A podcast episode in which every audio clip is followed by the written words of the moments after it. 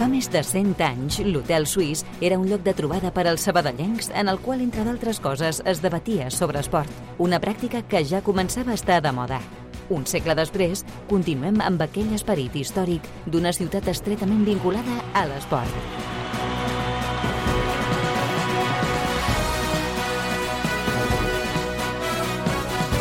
Hotel Suís, amb Adriana Royo.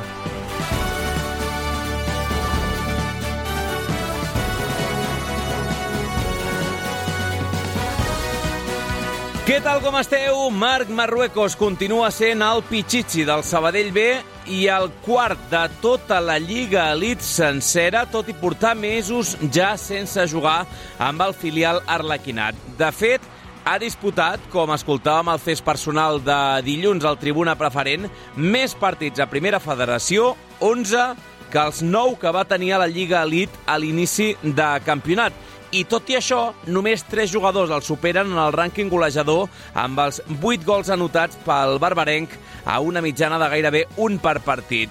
Ja no ens sobta veure'l a les alineacions d'Òscar Cano, però té mèrit el salt brutal que ha fet en qüestió fins i tot de setmanes. De ser el Sabadell Nord fa dos anys, el Rubí l'any passat, el Sabadell B en el tram inicial de temporada i de sobte canviar el Lloret, el Canvi d'Alet o el Sants com a rivals per enfrontar-se al Barça Atlètic, la Cultural Leonesa o el Celta Fortuna. Qui ho diria? El canvi de tres categories que ha fet veient el seu joc descarat i atrevit. Només el temps ens dirà si Marro és una realitat, quin és el seu nivell real després d'una irrupció fulgurant que l'ha portat a jugar per davant d'homes contrastadíssims a la categoria en aquesta parcel·la ofensiva arlequinada com serien els Nando, Marcos Baselga, David Soto o fins i tot el mateix Manel Martínez. Tot l'esport de la ciutat, d'una a dues a l'Hotel Suís de Ràdio Sabadell. Avui el de Barberà del Vallès parla en roda de premsa. De seguida anem cap allà. Abans enviem una abraçada des del control de so de la Beatriz Aguilar. Què passa fora de l'hotel en un minut? Tenim avui final de la Nations League femenina. Espanya-França, ja amb el bitllet olímpic a la butxaca, a l'estadi de la Cartuja de Sevilla a les 7 del vespre i, a més, amb polèmica per la convocatòria pel partit d'Alexia Putella sense tenir l'alta mèdica. A la Copa del Rei masculina ja tenim el primer finalista, és el Mallorca, que ahir va eliminar la Real Societat a la tanda de penals al Reale Arena. Demà, a 2 de 10, Atlètic Club Atlético de Madrid, amb victòria viscaïna 0 a 1 a l'anada al Metropolitano Metropolitano. El Xolo, per cert, ha confirmat que Antoine Griezmann no arriba a temps pel partit a Sant Mamés. I per últim, el comitè de disciplina no castiga a Real Madrid Televisió pels seus vídeos contra els arbitratges. Segons publiquen diferents mitjans, hi ha un error en la denúncia presentada pel Sevilla perquè no s'indica quina part del codi disciplinari infringeixen els blancs amb els seus vídeos. I aquí a l'Hotel Suís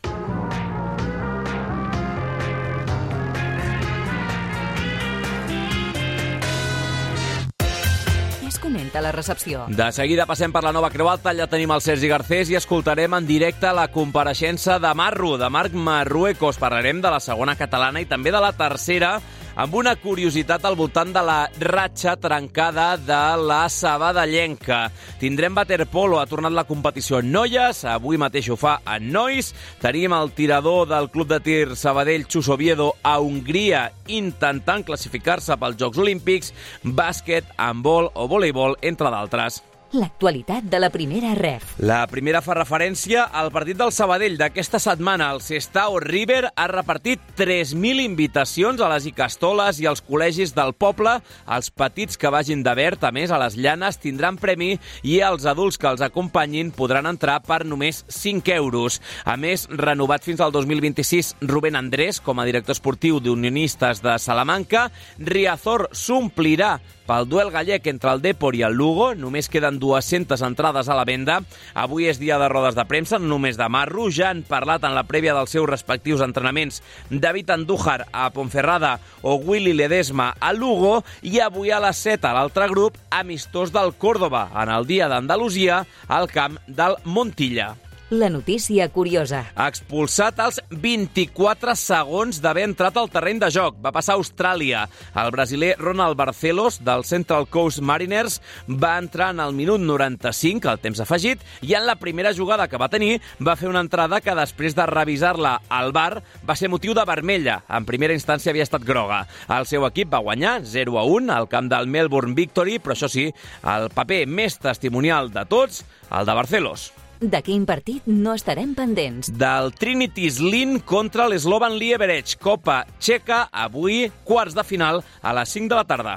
I a les xarxes socials? El conegudíssim estadístic Mr. Chip a X, a l'antic Twitter, diu la Real Societat no guanya una tanda de penals des de 1989. Va ser justament contra el Sabadell. No podia ser contra un altre. Des d'aleshores n'ha perdut sis de consecutives contra el Partizan, el Numancia, el Mirandés, el Zamora, el Barça i ahir també davant del Mallorca. Avui celebra el seu aniversari. La llista és llarga, la waterpolista de l'Astralpool femení, la italiana Sofia Giustini, l'ex del Sabadell Nord Pep Pinyol, també l'ex-arlequinat Jordi López i l'exfutbolista sabadellenc i ex del centre d'esports, responsable de l'escola de futbol de l'Oar Gràcia en l'actualitat, Pep Molet. Hotel Suís, de dilluns a divendres, a Ràdio Sabadell. There's a sound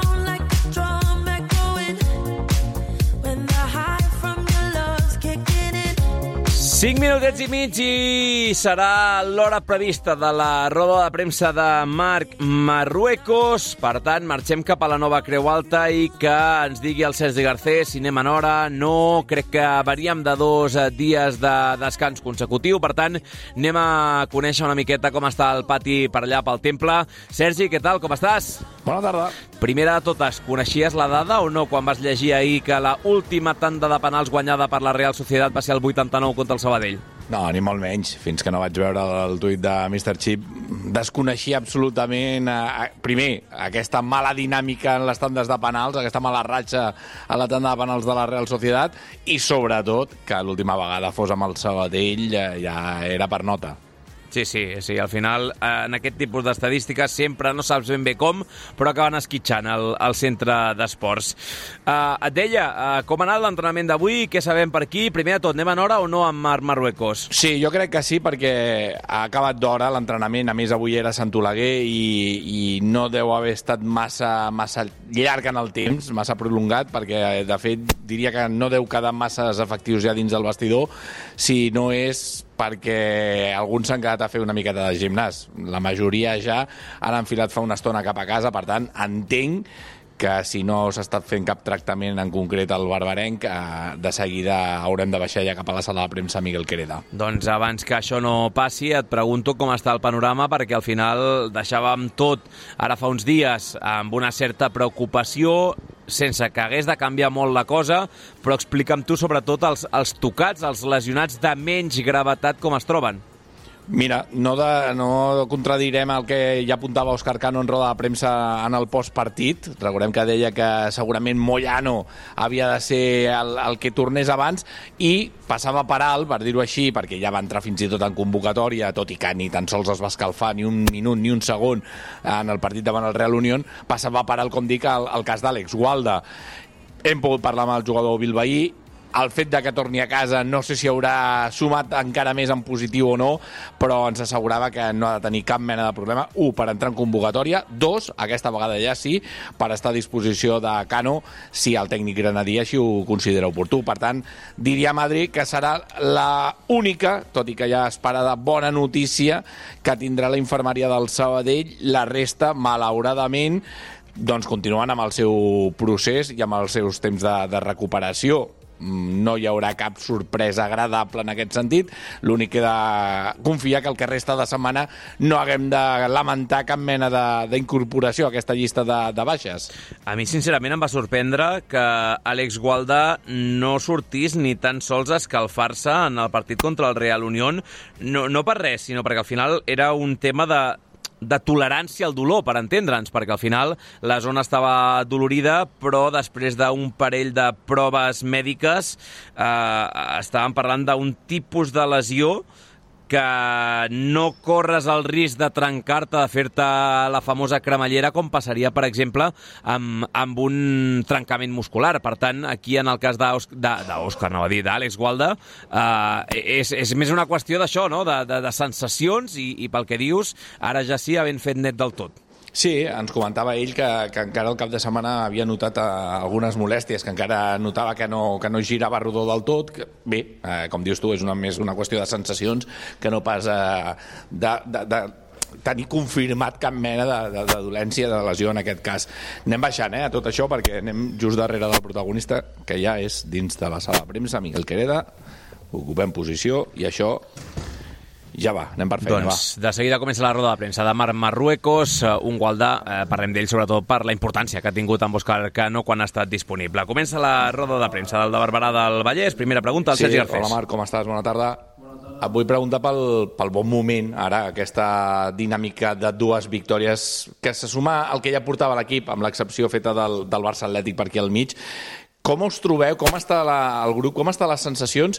I com veieu ara ja, m'imagino que amb una mica més de, de seguretat dintre de tot, eh, aquest objectiu de, de la permanència. Bueno, l'equip es, eh, es sent amb confiança. Eh, sí que és veritat que ara tenim una identitat bastant marcada. Eh, l'equip ara eh, es caracteritza per tenir bastant il·lusió, per, per intentar aconseguir algun objectiu gran i jo crec que eh, hi ha una gran unió i, i la veritat que, que amb ganes d'aconseguir grans coses. Li preguntem per la seva situació personal. Com ha canviat en aquestes últimes setmanes de manera tan abrupta? Com, com, com ho pensa ell? Com es veu? Com tira la mirada enrere? Bueno, la veritat que molt content per, per tot el que estic visquent, eh, però bueno, eh, amb els peus a terra perquè això no ho han regalat i en qualsevol moment pot desaparèixer, però la veritat que, que agraeixo molt la confiança sobretot del míster i molt content i, i res, amb, amb ganes de seguir, seguir tenint continuïtat i seguir lluitant per, per l'equip i els objectius. Pregunta per les quatre titularitats consecutives. Si tindrà continuïtat o no, aquesta titularitat. I si ha parlat amb Òscar Cano de tot plegat. Bueno, jo cada cop em noto amb més confiança. Sí que és veritat que al principi, potser quan començava a fer dinàmica en pretemporada i tal, eh, ho veia una mica lluny perquè era un futbol que no havia, que no havia viscut mai, però la veritat que amb moltes ganes de millorar, eh, jo noto també una millora a nivell, a nivell professional, a nivell futbolístic, i res, amb ganes de seguir aprenent i, i jo crec que en aquesta bona línia, si segueixen els objectius i la bona línia de l'equip, pues, potser segueixo tenint aquesta continuïtat i, i res, amb ganes. Ja que estem en el tema personal, et vull preguntar també, a nivell mental, d'ajuda a casa, fins i tot, de, de tenir el cap ben posat, eh, com, com pots explicar, si es pot explicar, si és que hi ha alguna cosa a explicar, eh, com has hagut de, de saber aguantar i, i esperar el teu moment per allò d'haver tocat ja el futbol amateur, fora del que és el futbol formatiu, haver anat al futbol territorial i tot i així haver tingut aquest punt de paciència, com dic, per, per saber que l'oportunitat podia acabar arribant igualment, encara que fos, doncs, com deia abans el Pere, anant per Canuriac, Rubí, etc. Bueno, eh, sí que és veritat que no ha sigut un camí fàcil, que, que alguna vegada potser eh, vaig perdre la il·lusió potser d'arribar eh, lluny, perquè tocant aquestes categories que tu m'has dit, pues, de vegades eh, veus molt lluny eh, jugar al futbol professional, però bueno, sempre eh, la meva família i jo eh, som bastant humils i un cop eh, ara ho he tocat, seguim amb la mateixa mentalitat i a, a casa també m'ajuden a, a centrar-me i, i, a, i a seguir.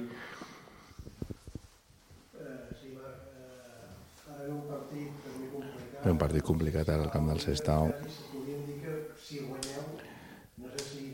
Si el Sabell guanya podria deixar enrere ja un rival Sí, la directe. veritat que fins ara era un rival directe. Eh, nosaltres a plantejar la setmana de la millor manera possible i sobretot treure els tres punts que amb la bona, amb la bona dinàmica que porta l'equip i, i com ha millorat fins ara estic convençut que, que la traurem i, i lluitarem per ella. I sí que és veritat que si aconseguim aquesta victòria encara més confiança per l'equip, més punts de marge sota baix i, i ara mateix jo crec que l'equip ha de mirar cap a dalt i, i seguir millorant perquè jo crec que, que hi ha hagut una millora molt gran i, i ara és el que toca, mirar cap a dalt i, i seguir millorant. Què esperen d'aquest Sestao? Què esperen del partit? No, sobretot per la pressió meteorològica. Complicat i amb una situació límit, com la que té el conjunt basc.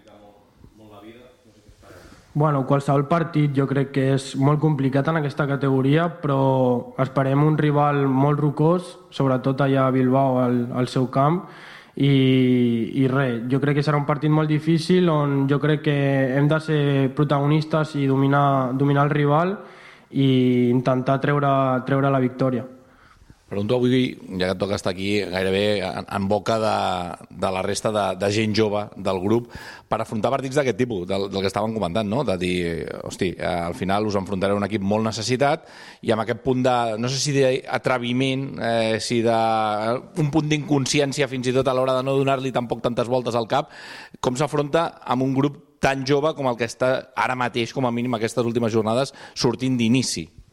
Bueno, deixant a marge l'edat, jo crec que, que molts jugadors han, han donat un pas endavant, eh, són protagonistes, tenen personalitat i, i, bueno, i aporten a l'equip les coses que jo crec que ara mateix necessita i estan, i estan fent que funcioni. I llavors eh, jo crec que tant la gent jove com la gent major, eh, la gent més, més veterana, eh, aporten eh, el seu gra i, i, re, i, i a, a veure si aquesta, aquest cap de setmana aconseguim aquests tres punts.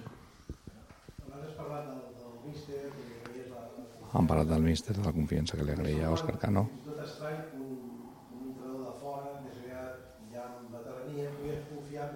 Li pregunten per la sorpresa, fins i tot que Òscar Cano hagi confiat tant en la gent jove i que, i que li va explicar a Òscar Cano, que li demana, en aquest cas a Marc Marruecos. Em demana que, que sigui jo mateix, que, que tingui personalitat, eh, també m'ha ajudat i, a millorar alguns punts que encara estan per millorar encara més, però en general és un míster que, que aposta per la gent, que tingui personalitat i, i que ho doni tot, tot per l'equip, que així és com, com al final funcionen les coses.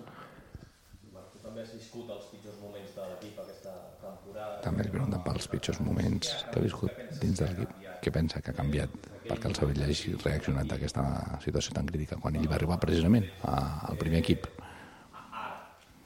Jo crec que la seva arribada eh, ell va mostrar que, que és un líder, que la gent assumeix el seu vaixell i això ha sigut, la gent que, que s'ha volgut sumar eh, i, i remar tots junts es nota, es nota que l'equip va en una mateixa direcció i, i jo crec que per això ara eh, l'equip es caracteritza per tenir una identitat més marcada i semblen que tots volem el mateix objectiu i com que les coses flueixen i, i acaben sortint molt més, més fàcils i, i com més boniques.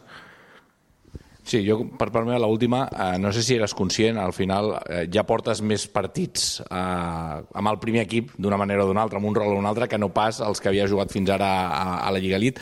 Tot i així hi ha una estadística que no sé si tens controlada, que continua sent el màxim golejador de, de l'equip en aquest sentit. No sé si parla molt bé de tu, no sé si parla encara també de, dels companys.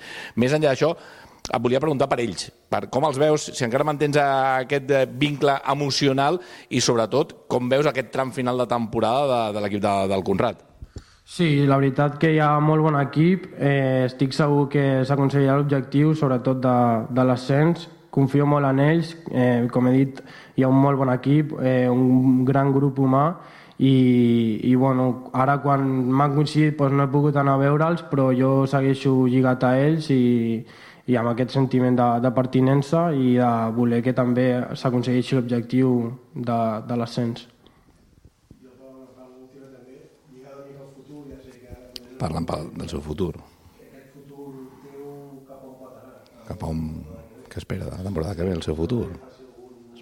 Per algun moviment? Bueno, jo ara mateix només em centro en, en, en el que puc donar, eh, en, millo- en aportar eh, a tot el meu treball a l'equip i l'any vinent eh, jo com fins ara tenia fitxa filial eh, no sé què passarà l'any vinent però bueno, com he dit, jo segueixo treballant i molt agraït per, per la confiança i el moment que, que estic vivint aquí al Sabadell. Que a part de, per part de l'afició sí, és un jugador estimat en aquest sentit i això li arriba quan està a l'estadi de la Nova Creuta sobretot o, o també quan ha anat fora. Jo la veritat que noto molt carinyo, mai havia viscut eh, i jugat en un equip on, on hi hagués una afició tan, tan propera i que ho visqués tant com, com aquest sentiment que té la gent del Sabadell. I la veritat que, que viure-ho de dintre és, és molt bonic, molt maco i, i una experiència pues, que a partir de que estic vivint m'ha- m'està agradant molt i lluitar pues, eh, per una afició i a intentar aconseguir uns objectius que, que sabem que a l'afició li fa molta il·lusió, pues a nosaltres ens fa el doble i la veritat que, que és una passada, l'afició del Sabadell. Sí, un soci pregunta què vas sentir el dia del teu debut amb el primer equip. Bueno, la veritat que molta felicitat. Jo, eh, quan vaig fitxar pel Sabadell, era pf, eh, una de les, bueno, la principal causa per, del meu fitxatge era, era poder debutar amb el primer equip i la veritat que el meu debut va ser especial. Eh, tant jo com la meva família i els meus amics eh, estàvem molt contents de, de que s'hagués donat aquest moment i a sobre li sumo que jo des de petit venia amb el meu pare a, a veure el Sabadell i ho he vist molts anys a segona i a segona B i la veritat que pues, ara mirant enrere eh, molt contents i, i amb ganes de, de seguir fent, fent camí aquí. I un company pregunta si saps fer servir la X. Bueno, sí. Eh, ara, com dic, se- segueixo millorant i hi ha coses que encara he de millorar, però, però sí, sí, cada cop la, la desbloquejo una mica més. doncs res, que s'ha de xutar amb la X en aquest cas Eh, no, la, la X és la... Bueno, no sé, depèn del joc que sigui, però és la de passar, no? Pot ser? Ah, doncs llavors la, la de passar... No, home, doncs una altra cosa no, eh? Però passades... Ah, Falta que, les, que algun cop les doni cap endavant, eh? Però per la resta... Si no, el jovent... Ah, anem pujant. El jovent de la redacció que sí, es pronunciï, segur, segur, eh? segur Però... que seran... Molt probable, molt probable, eh? Que sigui, ara, ja estem Mira, fora. Ivan Lechuga, que té pinta de, de jugar més d'una partida al dia, diu que sí, sí, que és la de passar. O sigui, que és algun company amb mala bava dient que se l'esfuma, però que no... Que, Hosti, que... doncs no la, no la comparteixo massa, eh? Ja et dic, jo, jo li trobo més a faltar que, que provi algun dia fortuna, com ha provat en, en, en alguna ocasió, a més des de la frontal, que és com, com li arriben aquí i surten les gardeles de, de Marc Marrocos, de Marro, Sí, que marxa sí, ja, en sí. aquest cas, Que- de Barberà, cap a, cap a casa. que li preguntin al pal de la porteria de Gol Nord, que deu estar tremolant encara de fa un parell de, de partits. Uh, sí, segurament, per, per intuir de qui pot venir algun company de la zona ofensiva que alguna vegada li, de, li deu haver demanat l'última passada, potser, no? M'imagino. Molt probablement, molt probablement. Com, no, com aquí no es desvetlla, com a mínim oficialment d'aquí són les preguntes, són dels Mira. companys i, i, i, i au. El Vituri diu que ell també passava amb la X, que al final, mira, el comandament el pots ajustar com tu vulguis, però que per ell també és un tema de, de passades. Hòstia, ens, ens, fe, ens fem vells, Has, eh? has preguntat a la gent jove i ha sortit Pau Vituri? Sí, bé, no sé, s'ha donat per al·ludit ell. Ah, Va, bé, deu jugar bé. encara a la Play, no sé. Sí, home, sí. Saps amb què juga, no, el Vituri? Continuem parlant de la Play, no? No. Ah, Estem parlant del radar de Pau Vituri, meteorològic. Ja sabem que és Home. un clàssic a Ràdio Sabadell. He fet I ha la trobat la consul- pluja allà, no? He fet la consulta, he fet la consulta. M'ha dit d'entrada que no em refiï molt, que d'aquí a diumenge pot canviar. He vist unes mínimes de 5 graus, màximes de 9, per tant, no passaríem dels 10 graus a, a Sestao aquest diumenge. Tot el dia plovent, per cert, no puc reproduir l'últim missatge que ha enviat a Pau Vituri, però anava directe cap a tu, Garcés, ja el llegiràs. Uh, pluja tot el dia Sestao, però hi ha la possibilitat que a l'hora de partit vagi a menys. Ah, mira. Aquí ja et dic que el responsable de material del club, el, el gran Jordi Branzuela, treballa amb, amb la previsió de fred i pluja a l'hora de carregar els baguls de metàl·lics amb els quals vol anar cap a Casa Estau, o bé, vol anar i anirà l'equip, en aquest cas en autocar cap a Sestau, doncs aquests baguls de, de roba aniran eh, ben, ben farcidets de, de roba d'abric, perquè la previsió, com bé diu el radar de, de Pau Vituri, eh, és de baixes temperatures i, i de pluja al llarg de tot el cap de setmana i de manera doncs, eh, més eh, centrada ja de cara a diumenge, encara que estic d'acord amb que ell, eh, que no se m'enfadi, que encara queden 3-4 dies i poden passar moltes coses. Doncs estarem pendents. Aquí jo crec que ha estat el tema de dir la paraula jove i tothom es pronuncia, eh? però vaja, que tothom parla de la X per central, Sergi Parc, el Roger Benet, o sigui, tothom aquí tenim un departament de, de viciats considerable. Uh, a mi em ve al cap, ja de normal, pensar en les llanes i no intuir, no olorar un partit de fang, literal, de pluja, eh, hagués estat una decepció, Garcés. Però és que a sobre s'està posant tot de cara perquè sigui el prototípic partit del nord de pilota directa, de joc físic, de terreny de joc pesat, d'atacs d'alumini i de genolls enfangats. Potser és que sóc un romàntic d'això i tinc molt idealitzada aquesta imatge que estic dibuixant, però fa tota la pinta que anem encaminats a un partit d'aquest tipus. Sí, i de fet el tema dels tacs d'alumini ja l'hem comentat, eh, fent-li la broma o no broma, l'hem comentat en aquest cas a, a Raül Baena, un dels que passava per aquí, i li fèiem el comentari que tirés de, de tacs d'alumini perquè més enllà de com estigui l'estat de la gespa de, de les llanes, eh, veurem en aquest cas eh, com està el terreny de joc quan jugui el, el Sabadell diumenge davant aquest Sestao River i en un estadi que, com ja hem dit en alguna ocasió, el Sabadell ja ha trepitjat, no per enfrontar-se a aquest Sestao, sinó el, el que va desaparèixer en el seu dia. Diria que era Sestao Sport Club, diria que era el, el nom oficial que tenia llavors el, el Sestao Clàssic, però en tot cas eh, el que no canvia és l'escenari. Per cert, per cert, que si vols ambient de futbol, no sé si hi haurà molta resposta o no, ja saps com van aquestes coses, però eh, ens deien avui que el conjunt viscaí ha regalat 3.000 entrades entre els diferents alumnes de les escoles de Sestau. Per tant, com a mínim, fent una campanya, a més, amb entrades populars, entrades més barates, per intentar que hi hagi bon ambient, bon caliu. Deia algú per aquí, no sé si amb molta broma o no, som el club de moda i ens volen venir a veure. Sí, segur, segur que és per això. Uh, sí, sí, 3.000 entrades, ho dèiem al principi, entre castoles i, i col·legis de, de la zona. Estava mirant jo ara, vaig a consultar una altra web, perquè uh, jo les llanes el, el tinc com un camp especialment petit, però estic veient una No, capacitat... am, diria que la capacitat no va, no va molt malament, eh? No, no, no, no, és el que m'està sorprenent, que...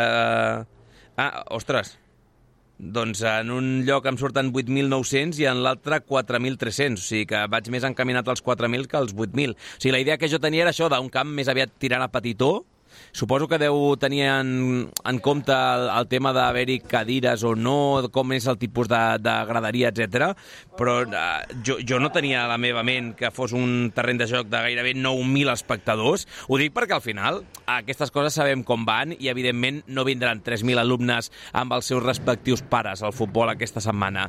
Però a poc que vagi mitjanament bé la, la iniciativa engegada per l'equip basc, pot haver-hi un caliu extra.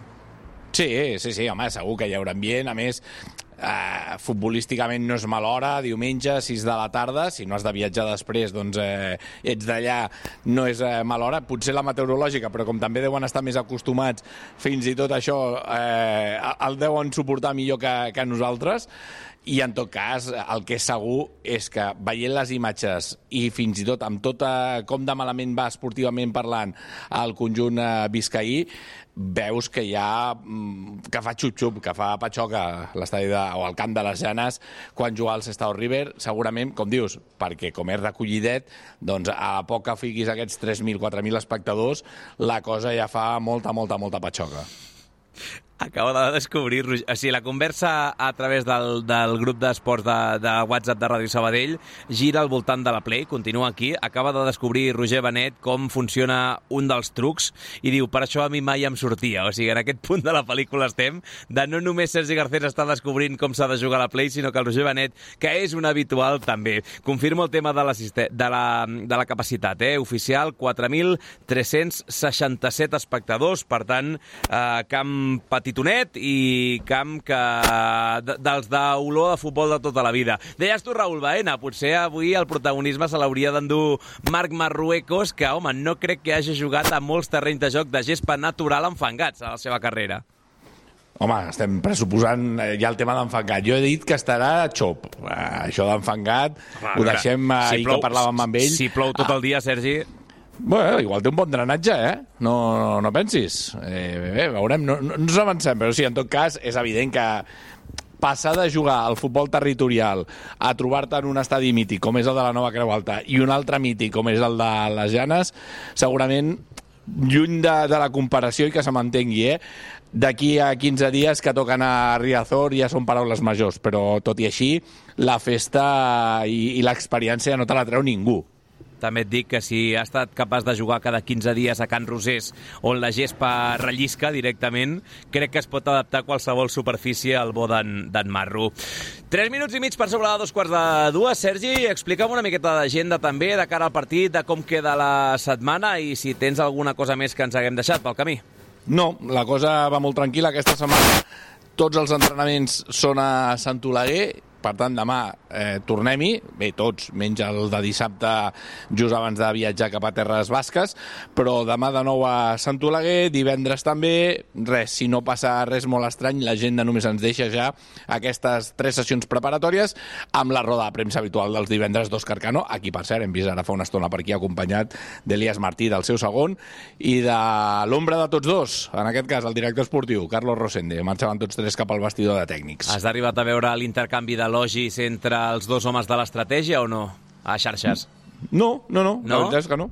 Doncs mira, aquí Àngel Martínez, eh, crec que era una història a través d'Instagram que reconeixia la vàlua d'Elias Martí amb la pilota aturada i després el valencià que responia dient que això era feina bidireccional, que els dos aprenien un de l'altre a l'hora de dibuixar aquestes línies i més línies a la pissarra que tant cansen i avorreixen a Òscar Cano agafant paraules del granadier en roda de premsa de, de l'altre dia. Garcés, ho rematem aquí, si et va bé? Sí, home, sí. Doncs, cap a casa. Doncs vinga, va, cap a casa. Igual que Àlex Gualda tornarà cap a casa aquesta setmana com a principal novetat, el Garcés que el deixem tornar cap aquí. Fins ara, Sergi! Fins ara. L'Hotel Suís obre les portes a l'esport de Sabadell.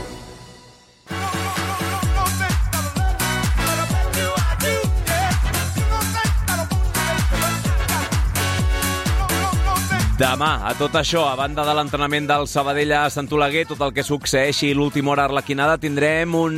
no sé si dimita, jo m'atreviria a dir que sí, com és Joshua Azcoidi, a la sintonia de Ràdio Sabadell, fitxatge aquest gener, aquest últim mercat d'incorporacions del conjunt Vizcaí, de tornada a Euskadi després d'una experiència no massa bona. El Rayo Majadahonda el tindrem com a rival i segurament jugant, a jutjar pels últims dos partits en els quals ja ha tingut una mica de protagonisme als seus primers minuts l'Escarrà, nou jugador d'un Sestau River que, com sabeu, està ben farcit d'exjugadors del Centre d'Esport Sabadell. Va, continuem parlant de, de futbol, ara la segona catalana, amb el Tibidabo Torreromeu, que ha perdut pistonada amb la quarta jornada consecutiva sense guanyar. Això sí, els de Toni Sallés van rescatar un puntet sobre la botzina al camp del Porreig. Àlex Caro, en l'última jugada de partit, va anotar el definitiu 1 a 1 a la sortida d'un córner. El Tibi continua cinquè, però ja s'ha obert una escletxa, un forat de 8 punts amb el tren capdavanter. Sallés creu que si l'equip vol aspirar a cotes més altes ha de començar ja a encadenar victòries. Veo el equipo bien, eh, lo que siempre he dicho, ¿no? El objetivo es salvarnos, creo que, que vamos por el camino adecuado. Sí que es verdad que, bueno, que si queremos dar un pasito más, pues tenemos que empezar a sumar de tres en tres y engancharnos con, con los de arriba 100%. Ara, a més, el Tibidabo ha de rebre diumenge a les 12 el líder. Una bona oportunitat d'una banda, però també amb molta dificultat. Un Ripollet que acumula 6 victòries consecutives amb 21 gols a favor i només un en contra en aquest tram. Xifres que parlen per elles soles. Sallés no es mostra sorprès per aquestes estadístiques ripolletenques. Es un equipo que está hecho para subir eh, llega Navidad se sigue reforzando para subir. Entonces es normal que esos números sean así, si no sería un fracaso. Entonces, bueno, allí nos ganan con la última jugada un saque de banda que nos relajamos, fallamos un penalti, ellos saben lo que es nuestro campo y bueno, veremos qué pasa. Per sota, a dos punts del Tibidabo, hi ha un canrull, Rómulo Tronchoni, que va patir la segona derrota consecutiva. Per tant, tram també negatiu pels arlequinats. En aquest cas, va ser contra l'Olímpic en Fatjó, rival de la part baixa, i per un ajustat 1-0 amb el gol local que va arribar al minut 83. El tècnic Alfonso Martínez considera que l'equip va donar una bona imatge i el més just hauria estat un empat. Era un partido de, de empate eh, en, en, el que sí que no fuimos capaces de sacar nuestra mejor versión, pero competimos bien durante gran parte del partido hasta, hasta que llegó esa acción. Así que obviamente en casa pues nos sentimos o nos podemos sentir más cómodos, pero creo que llevamos una, una línea que estamos compitiendo bastante bien, eh, tanto en casa como fuera de casa. El pròxim partit dels de la zona oest serà dissabte a dos quarts de cinc a casa contra el Natació Terrassa, precisament l'equip que està per sobre del Tibidabo i que ha encadenat 13 partits consecutius sense perdre. Martínez elogia el rival, però a la vegada sap que una victòria els aproparia a la classificació. Sabiendo que es un rival que está por encima nuestro, que está unos puntos por encima nuestro, pero que si nosotros somos capaces de, de ganarles, que va a ser difícil por, por el hecho que tú comentas, que llevan muchísimo tiempo sin perder un partido y que aparte son un muy buen equipo y tienen muy buenas individualidades también, pues sabemos que será complicado, pero que si somos capaces de romperles esa racha eh, y nosotros conseguir la victoria, que en casa pues somos un equipo bastante fuerte, eh, pues que bueno, estaremos más cerca suyo. I l'única bona notícia de l'última jornada la va protagonitzar el Sabadell Nord, que es va retrobar amb el triomf després de tres jornades. Els de Cristian Barea van guanyar 1-2 al camp del penúltim classificat, el Sant Feliu de Codines, amb els gols de Marc Montes i d'Ilias Alul. El mateix Montes considera necessària aquesta victòria aconseguida després que els resultats no acompanyessin els de la zona nord de la ciutat en aquestes últimes setmanes. Eran, eran importantes ya, porque es lo que te digo, la- las sensaciones dentro del equipo eran buenas porque veíamos que, contra los rivales plantábamos cara, estábamos bien, pero al final el tema de resultados no, no, no llegaba y hacía mucha falta, la verdad, esta victoria. El Sabadell Nord continua desè, però ara a dos punts del Can Rull i a quatre del Tibidabo. I capricis del calendari, com els altres dos equips de la ciutat, també es veu les cares contra un equip de la part alta. Diumenge, a dos quarts de dotze, rep el municipal de Can Uriac el Torelló, el segon classificat, amb una única derrota en les darreres 10 jornades. Per tant, els tres sabadellencs posant a prova tres de les millors dinàmiques de tota la categoria. Montes confia en poder puntuar fent-se forts a casa. El partido se afronta con muchas ganas, el equipo tiene muchas ganas y al final creo que, que nosotros en casa somos un equipo muy duro y muy difícil de ganar y creo que eso sinceramente juega a nuestro favor. Creo que podemos sacar un resultado bueno de, de la visita de Turello a, a casa.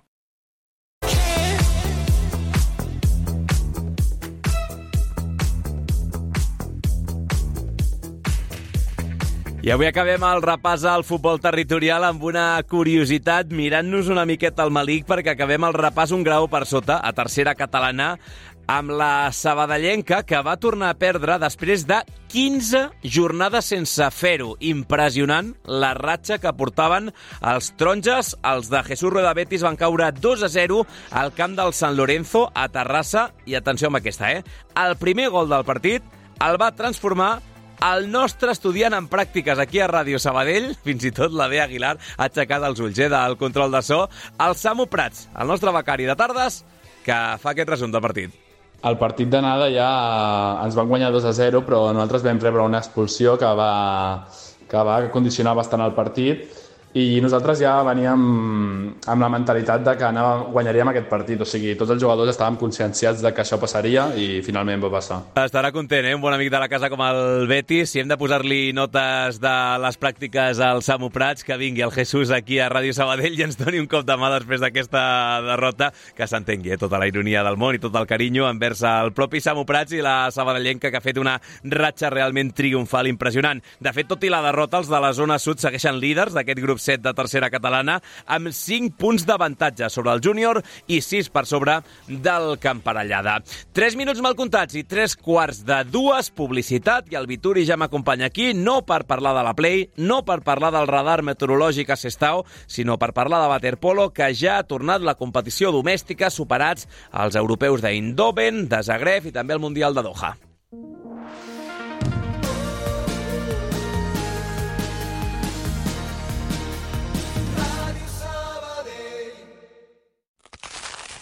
Ets un panarra. T'agrada el pa de debò, cruixent amb molla esponjosa i l'aroma de l'autèntic pa. A Valero també som uns apassionats del pa. Del pa de veritat, del de sempre, del que vam aprendre a fer fa més de 60 anys. Per això, elaborem les nostres especialitats com abans, respectant la tradició, perquè puguis tornar a gaudir del plaer de menjar pa.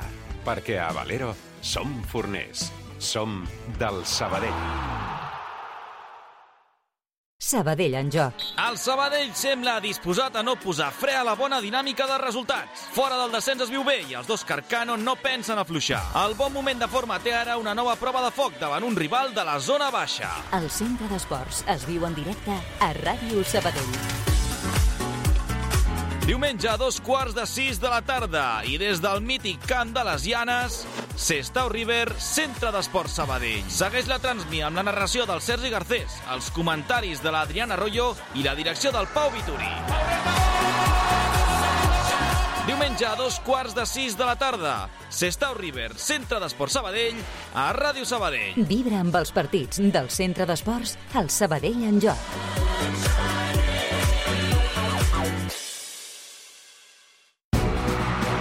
D'una a dues, l'Hotel Suís, a Ràdio Sabadell.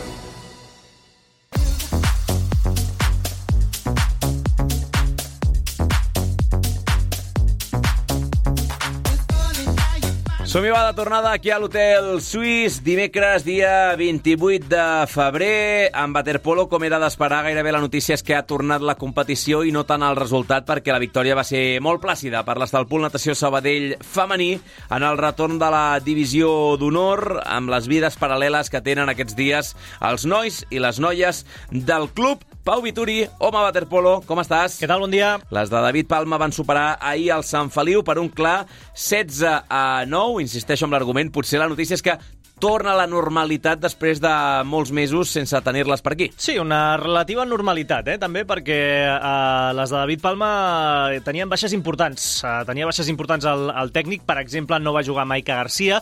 Aquesta és curiosa, eh? Sí, sí, que està acabant de solucionar aquella infecció al, al tatuatge que té de, de les anelles olímpiques a, a la part inferior de, del clatell, a, a l'esquena, eh, i que, per tant, doncs, ha hagut de passar pel, pel taller en els últims, en els últims dies.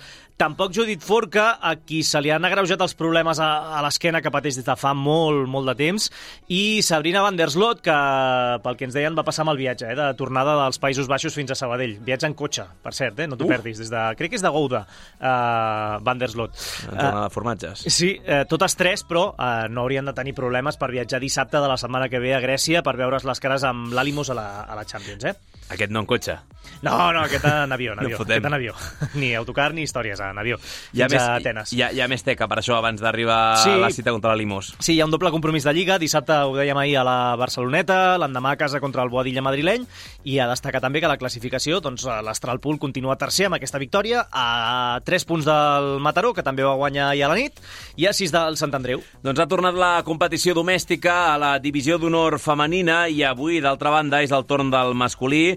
Casualitats del calendari, el partit és exactament el mateix, fins i tot a la mateixa hora, 24 hores després de tenir un Astralpool Club Natació Sabadell, Club Natació Sant Feliu, tindrem avui un altre Astralpool Natació Sabadell, Club Natació Sant Feliu, en aquest cas de la divisió d'honor masculina. Sí, amb moltes, moltíssimes similituds eh, amb el partit del, del femení. D'entrada, perquè la tornada dels de Quim Colet és progressiva.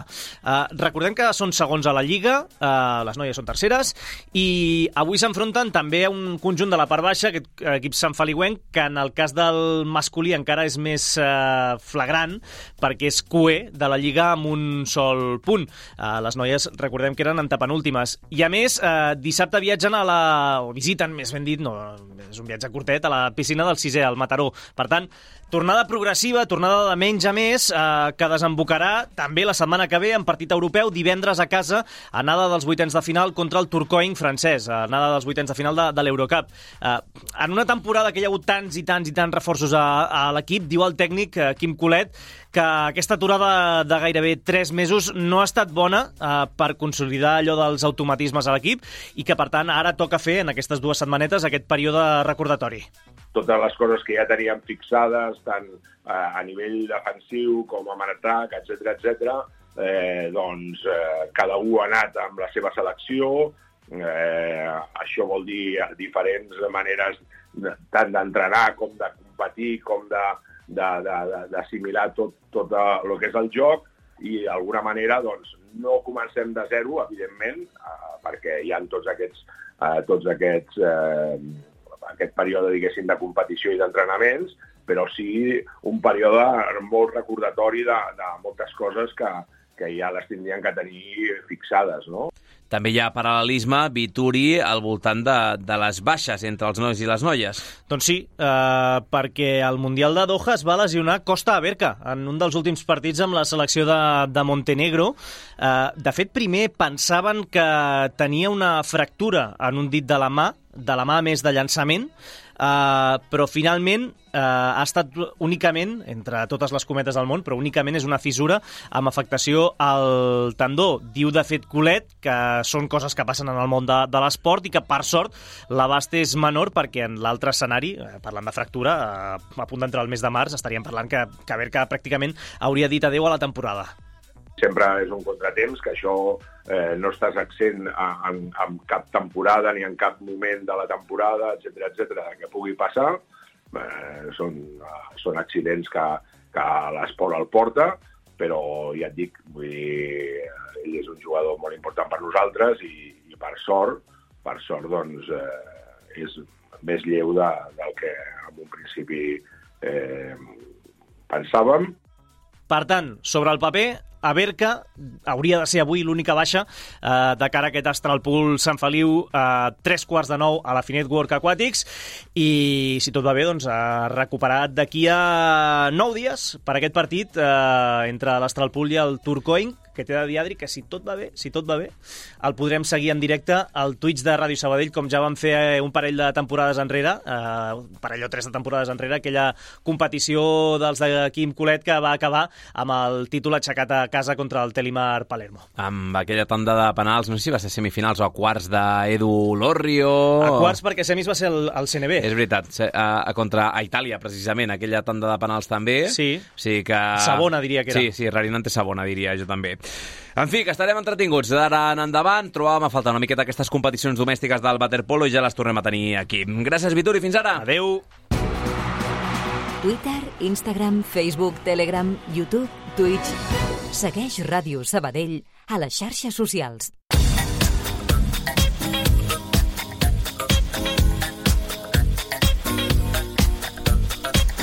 10 minuts i les dues més competicions internacionals que tenim o tindrem en marxa en el futur. Parlem d'handbol. Aleix Gómez, Ian Tarrafeta i Dani Fernández han entrat a la llista de convocats per disputar el preolímpic amb la selecció espanyola absoluta. Els tres jugadors sabadellencs van participar ja el mes passat a l'europeu, recordem, quedant fora de combat a la fase de grups una mica per sorpresa. Aquí no van tenir el bitllet olímpic per quedar eliminats de manera prematura i ara els hispanos tindran una nova oportunitat per aconseguir aconseguir-lo per anar als Jocs de París amb aquesta competició que se celebra més aquí al costat de casa, entre el 14 i el 17 de març a Granollers. Els rivals dels de Jordi Rivera seran Eslovènia, Bahrein i el Brasil i en joc hi ha dues places. I encara en handbol, el partit de l'Oar Gràcia de Divisió d'Honor Plata Femenina a la pista del Levante Marni ja té horari confirmat. Es va ajornar aquesta última setmana per l'incendi a València i es jugarà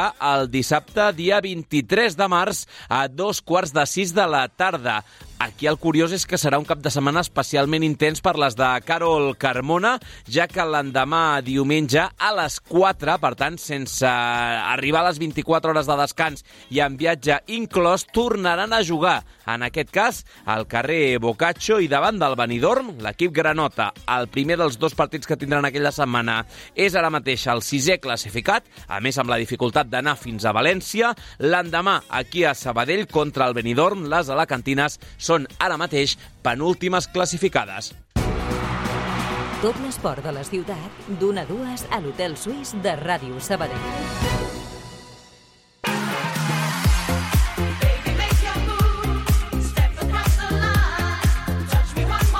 I més campionats internacionals. Jesús Oviedo té aquesta setmana una nova oportunitat també, ens farem un fart eh, d'anar repetint això als diferents esports, d'aspirar a una plaça olímpica pels Jocs de París. El tirador badienc del Club de Tir Sabadell ja es troba a Gior, a Hongria, per disputar el Campionat d'Europa de Tir Olímpic. Avui és el torn dels entrenaments oficials a la categoria mixta, a la qual el de Badia del Vallès forma parella amb Paula Grande. Demà a tres quarts de deu serà la competició competició, per tant ben d'hora, al matí. Després, a la tarda, torn per la sessió oficial d'entrenaments individuals en la prèvia de l'europeu individual que es disputa l'endemà divendres, per tant, demà passat. Hi ha dues places olímpiques per cada modalitat. Oviedo, per exemple, competeix a la de carabina aire de 10 metres. El primer pas per ser a París és classificar-se entre els 8 primers per entrar a la final de l'europeu. Depenent de quins siguin els altres finalistes, si aquests tiradors ja tenen garantida la presència olímpica, les opcions de ser als Jocs augmentarien. En total, aquest europeu dona dues places més per París 2024 i si no fos aquí, encara quedaria una última bala, igual que per exemple ara parlaven de l'handbol, al preolímpic de Rio de Janeiro de mitjans d'abril. Des d'Hongria, Chus Oviedo admet que arriba amb molt bones sensacions a aquest campionat d'Europa. Estoy bastante contento ya que ayer tuvimos entrenamientos libres y me sentí bastante cómodo, con mucha confianza y decisión ya de cara al viernes, que es cuando tenemos la competición individual y esa opción a conseguir el billete para las Olimpiadas. Tengo mucha confianza en mí mismo, mucha confianza con el trabajo realizado en estos días anteriores, sobre todo disfrutando de, de esta experiencia junto con mis compañeros y tener el privilegio de poder estar aquí con la Federación Española y estamos aquí porque el trabajo realizado anteriormente se ha hecho de forma correcta y vamos muy seguros de ello. En la última cita fa 10 dies, Oviedo va ser 17è en la categoria individual de la segona prova de la Copa del Món, disputada a Granada, a les Gàbies, i 13è per parelles mixtes formant equip amb Paula Grande. I en bàsquet, el Natació Sabadell ha tornat a la Supercopa masculina com una piconadora. Victòria 80-57 contra el Círcul Cotonifici de Badalona, anant sempre per davant en el marcador i amb un destacat Arnau Sanauja, autor de 27 punts, 34 de valoració i 5 de 10 en triples. El jugador del club explica com van premar l'accelerador de sortida.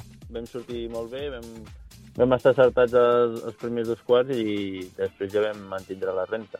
I això sí que és veritat que, clar, amb la diferència de punts i això, ja a partir del tercer quart sí que ens vam relaxar una mica i això, però vam tindre el partit controlat i, i bé, la veritat. Els nedadors són ara sisens, però amb un partit menys, la jornada davant del segon classificat, el Jack Sands. En cas de guanyar-lo, l'equip de Jonathan Ramírez es plantaria tercer. Aquesta setmana, el Natació Sabadell visita un Sant Cugat que és vuitè, però amb gairebé la meitat de victòries. 6 per les 11 que acumulen els nedadors. Sanauja espera un partit igualat, però reconeix que complert ja l'objectiu amb el qual van arrencar aquesta primera edició de la Supercopa, ara aspiren a fites molt més ambicioses. La idea principal quan comences la, la lliga i tal és, és mantenir la, la, la lliga i, i ja està. I bueno, ara com que estem allà dalt i ens veiem amb possibilitats, doncs lluitar i fer el possible per estar el més alt possible, però és això. O sigui, l'objectiu principal que teníem era mantenir la, la categoria. I ara a partir d'aquí, doncs, si ja tenim més o menys clar cap a on anem, doncs lluitar i donar el màxim per, per estar el més amunt possible. I tot després d'una llarga aturada per l'equip de Ramírez, no només per la suspensió del duel contra el Jacksans, també per la disputa fa un parell de setmanes de l'All-Star de la categoria, un partit de les estrelles que van jugar Nil Deix i el propi Arnau Sanauja.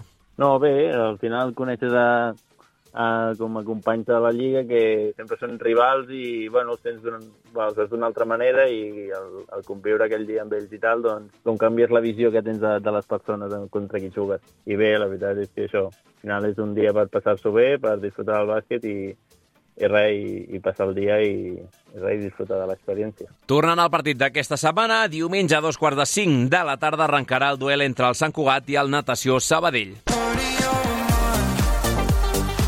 Avui acabem amb voleibol, últimes 5 jornades a la Superliga 2 masculina de volei amb el Club Natació Sabadell havent de certificar encara la permanència a la categoria, un objectiu que semblava pràcticament fet des de fa setmanes, continua estant molt a prop de fet, però els de Roberto Pozzato han encadenat 5 derrotes consecutives. L'última va arribar per un clar 3 a 0 a la pista del Xàtiva. El tècnic critica el poc esperit de lluita que van tenir els seus homes. L'equip està, però no, no hem fet un gran partit ja hem, hem anat eh, ja una mica convençut de perdre i no, no van lluitar gaire.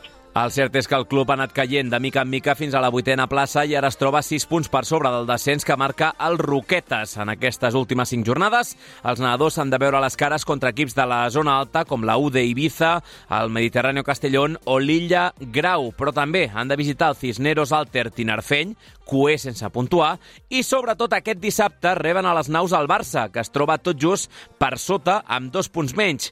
Pozzato assegura no està preocupat per la permanència i diu que el treball d'aquesta setmana s'està orientant més cap al creixement dels joves.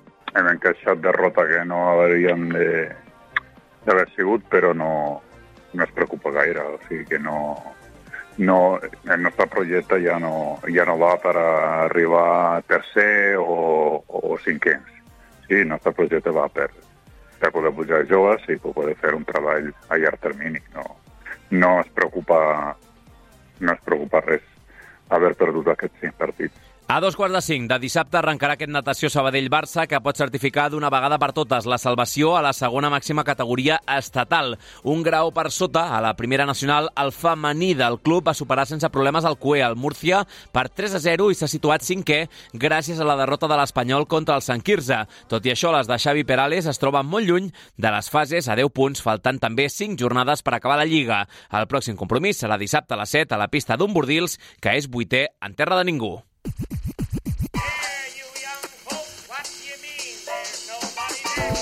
Cop d'ull ràpid al menú del dia de demà tindrem entrevista amb Joshua Ozcoidi, exarlequinat al Sestau River, proper rival del Centre d'Esport Sabadell. Parlarem de futbol juvenil, de futbol sala, atenció per cert, amb la derrota, la primera de la temporada en Lliga del futbol sala Sabadell femení. Donarem també un cop de vista del partit d'avui, en teoria plàcid, del waterpolo masculí contra el Sant Feliu, tornada a la competició pels de Quim Colet, i també com li van les coses a l'europeu de tir olímpic a Xus Oviedo.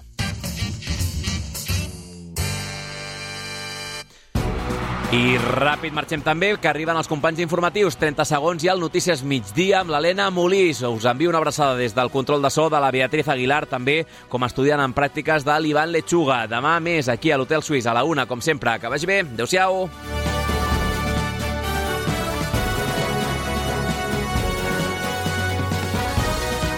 Tot l'esport de la ciutat, d'una a dues a l'Hotel Suís de Ràdio Sabadell.